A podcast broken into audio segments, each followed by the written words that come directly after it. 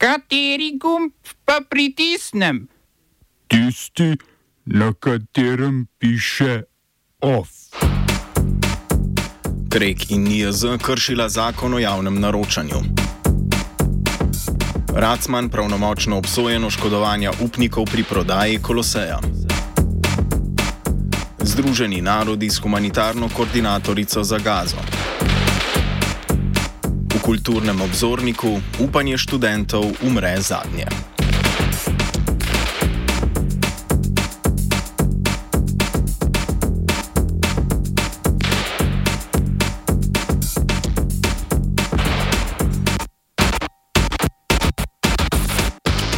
Generalni sekretar Združenih narodov Antonijo Guterres je naznanil imenovanje Sigrid Kah iz Nizozemske za humanitarno in obnovitveno koordinatorico za gazo. Imenovanje koordinatorice je posledica petkovega sprejetja resolucije Varnostnega sveta Združenih narodov, pri čemer so se glasovanja vzdržale Združene države Amerike in Rusija. Osnutek resolucije so pripravili v Združenih arabskih emiratih, poziva pa k nujnim korakom za nemudno omogočanje varne varnega, neoviranega in razširjenega humanitarnega dostopa do gaze. Poziva tudi k ustvarjanju pogojev za trajno prekinitev ognja. Ker bi sicer resoluciji nasprotovali američani, ki imajo kot stalni člani varnostnega sveta pravico do veta, v resoluciji niso pozvali k premirju. Kah, ki je bila v razpadi desni nizozemski vladi Marka Ruteja finančna ministrica, bo svoje delo začela 8. januarja. Njena naloga bo omogočiti koordinirati, nadzirati in in previ, preva, preverjati humanitarno pošiljke, preden jih dobavijo v okupirano gazo. V praksi to pomeni, da se na terenu ne bo spremenilo veliko, saj bodo pogoje, kaj v gazo sme, še zmeraj lahko določali v Izraelu. V novih napadih po celotnem ozemlju okupirane gaze je izraelska vojska število žrtev genocidne ofenzive v manj kot dveh mesecih premaknila čez 21 tisoč.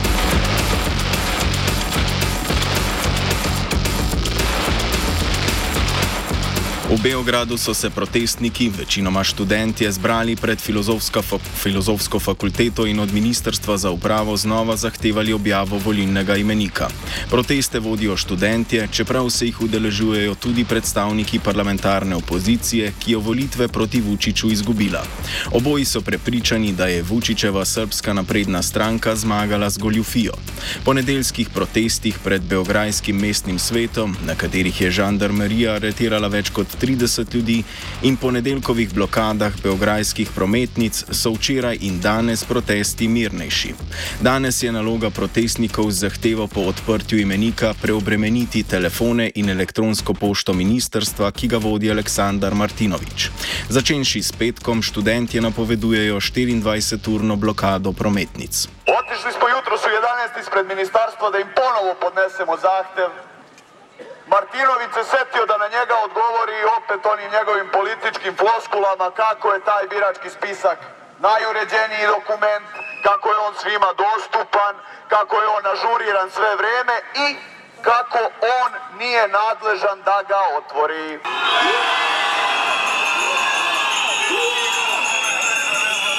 Ispostavilo se zapravo da je nadležan i to da je i tekako nadležan da otvori birački spisak, a obzirom da je izjavio da je to veoma uređen dokument, da je tu sve pošteno i onako kako treba, mi možemo da mu poručimo samo da otvori isti spisak kako bi se mi u to uverili jer mu na reč ne verujemo.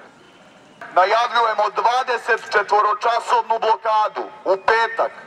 Odakle ćemo otići zajedno u subotu u 12 sati na skup proglasa Blokade ćemo najaviti neposredno pre akcije zbog toga što ako ih najavimo ranije, svi znaju šta se dešava, sve se obezbedi, spreči se bilo kakva akcija i ugrozi se sigurnost aktivista. Predsednik Republike Srpske Milorad Dodik je nekdanjega direktorja Srpske obveščevalno-varnostne službe Aleksandra Vulina imenoval za senatorja. Vulin, ki je ščela obveščevalne agencije znane kot BIA, odstopil v začetku novembra v sklopu kampanje predsednika Aleksandra Vučiča pred srpskimi volitvami, bo tako svetoval Dodiku kot član senata večinsko srpske entitete Bosne in Hercegovine. Ko je bil na čelu BIA, je ameriško finančno ministrstvo proti proti Vulinu uvedlo sankcije, pod katerimi je tudi Dodik. Dodik je tedaj Vulina podprl in dejal, da so sankcije nagrada za njegov patriotizem in ustrajnost pri skrbi za prijateljske odnose z Rusijo.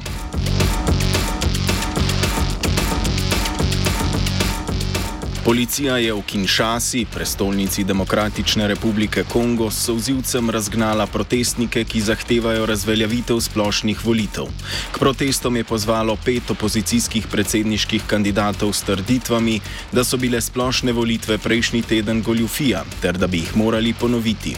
Na predsedniških volitvah se zmaga obeta Felixu Čisekediju iz Zveze za demokracijo in družbeni napredek, ki vlada od leta 2019. Po okrog 80 odstotkih preštetih glasov ima Čisekedi pred protikandidati neulovljivo prednost. Policija je obkolila štab tretje uvrščenega kandidata Martana Fajuluja že pred začetkom protesta, ki ga je včeraj vlada prepovedala, čež da je namenjen spodkopavanju dela volilne komisije. Protestniki so tako z zažiganjem gum skušali blokirati ceste okrog štaba, a jih je policija razgnala. Volitve so prejšnji teden potekale pet dni, volilna komisija je glasovanje namreč podaljšala na več voliščih, kamor niso pravočasno dostavili glasovnic. Smo se osamosvojili, nismo se pa osvobodili. Naslednje štiri leta še 500 projektov. Izpiljene modele, kako so se strani nekdanje LDS rotirali. Ko to dvoje zmešamo v pravilno zmes, dobimo zgodbo o uspehu. Takemu političnemu razvoju se reče udar. Jaz to vem, da je nezakonito, ampak kaj nam pa ostane? Brutalni obračun s politično korupcijo. To je Slovenija, tukaj je naša zemlja, to je Slovenija, Slovenija, Slovenija. Zavarovalnica Vzajemna je na ustavno sodišče vložila pobudo za presojo ustavnosti zakona o statusnem preoblikovanju zdravstvene zavarovalnice. Od sodišča zahtevajo, da do začetka uporabe zakona, kar bo v ponedeljek, zadrži njegovo izvajanje. Na zavarovalnici trdijo, da zakon, ki ga je državni zbor potrdil pred dvema tednoma, neutemeljeno posega v lastninsko pravico članov družbe. Trdijo namreč, da so upravljavske pravice ustavna kategorija, v katero lahko država posega posega le z utemeljenim razlogom, ki pa ga po mnenju uprave vzajemne v tem primeru ni. Poleg tega so prepričani, da zakon posega v pravico do svobodne gospodarske pobude, saj vlada z zakonom posega v pravico članov družbe, da se sami odločijo, v kakšni statusni obliki želijo biti organizirani. Zakon določa preoblikovanje zavarovalnice iz vzajemne družbe v delniško. To je posledica preoblikovanja dopolnilnega zdravstvenega zavarovanja, ki ga do konca leta pobirajo zavarovalnice vzajemna, generali in triglav v obvezni zdravstveni prispevek. Tega bodo državljani plačevali Zavodu za zdravstveno zavarovanje Slovenije. Zavarovanci vzajemne bodo po zakonu s preoblikovanjem v delniško družbo dobili delnice ali največ 130 evrov izplačila.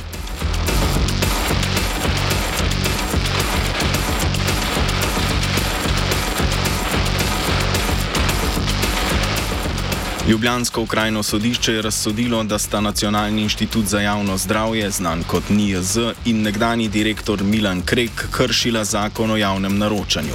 Inštitutu je sodišče naložilo plačilo 40 tisoč evrov, Kreku pa 1000 evrov. Zakon so na inštitutu kršili, ko so avgusta 2021 za iskanje stikov okuženih s koronavirusom najeli zunanji klicni center po postopku s pogajanji brez predhodne objave, čeprav po odločitvi sodišča pogojev za to ni bilo. Na inštitutu, ki se je na sodbo že pritožil in torej še ni pravnomočna, trdijo, da je bila uporaba takega postopka nujna zaradi širjenja epidemije, naročilo pa so morali izvesti do jeseni. Posel so tako oddali podjetju City Connect, hrvaški podružnici švedskega Transkoma, ki je v slovenskih brežicah začel delovati maja 2021. Inštitut je s podjetjem sklenil pogodbi o izvajanju storitve klicnih centrov za iskanje iskanje stikov okuženih in o izvajanju informacijske podpore klicnim centrom. Z davkom ured je inštitut odštel 2,3 milijona evrov.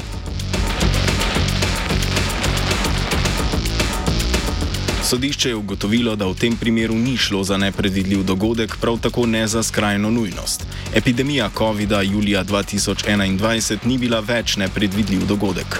Na sodišču so pojasnili tudi, da bi NIJZ stike okuženih lahko iskal s pomočjo vojske ali javnih uslužbencev, vsaj dokler ne bi izvedel javnega naročila po primernem postopku.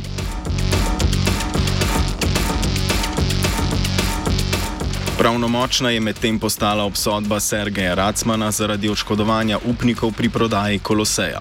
Lansko poletje ga je na dve leti zapora obsodilo Ljubljansko okrožno sodišče, više sodišče pa je zdaj njegovo pritožbo zavrnilo.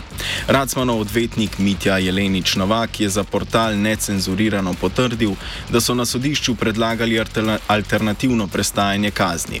Na portalu trdijo, da bo to ali vikend zapor ali upravljanje dela v splošno korist. Racman je pred skoraj desetimi leti, ko je bil Kolosej že pred stečajem, nepremičnino, torej kompleks kinodvoran, nezakonito prenesel na podjetje SIP nepremičnine, ki ga obvladuje Davorin Vidmar, njegov poslovni partner. Nepremičnine banke upnice na čelu z Novo Ljubljansko banko tako niso mogle izterjati. Po ugotovitvah sodišč je Racman kot predsednik uprave Koloseja moral vedeti, da je družba pred stečajem, zato je s prodajo ključnega premoženja, ki je družbi prinašalo prihodke, oškodoval upnike. Sodišče je Racmanu naložilo plačilo skoraj 700 tisoč evrov škode. OF je pripravil Martin.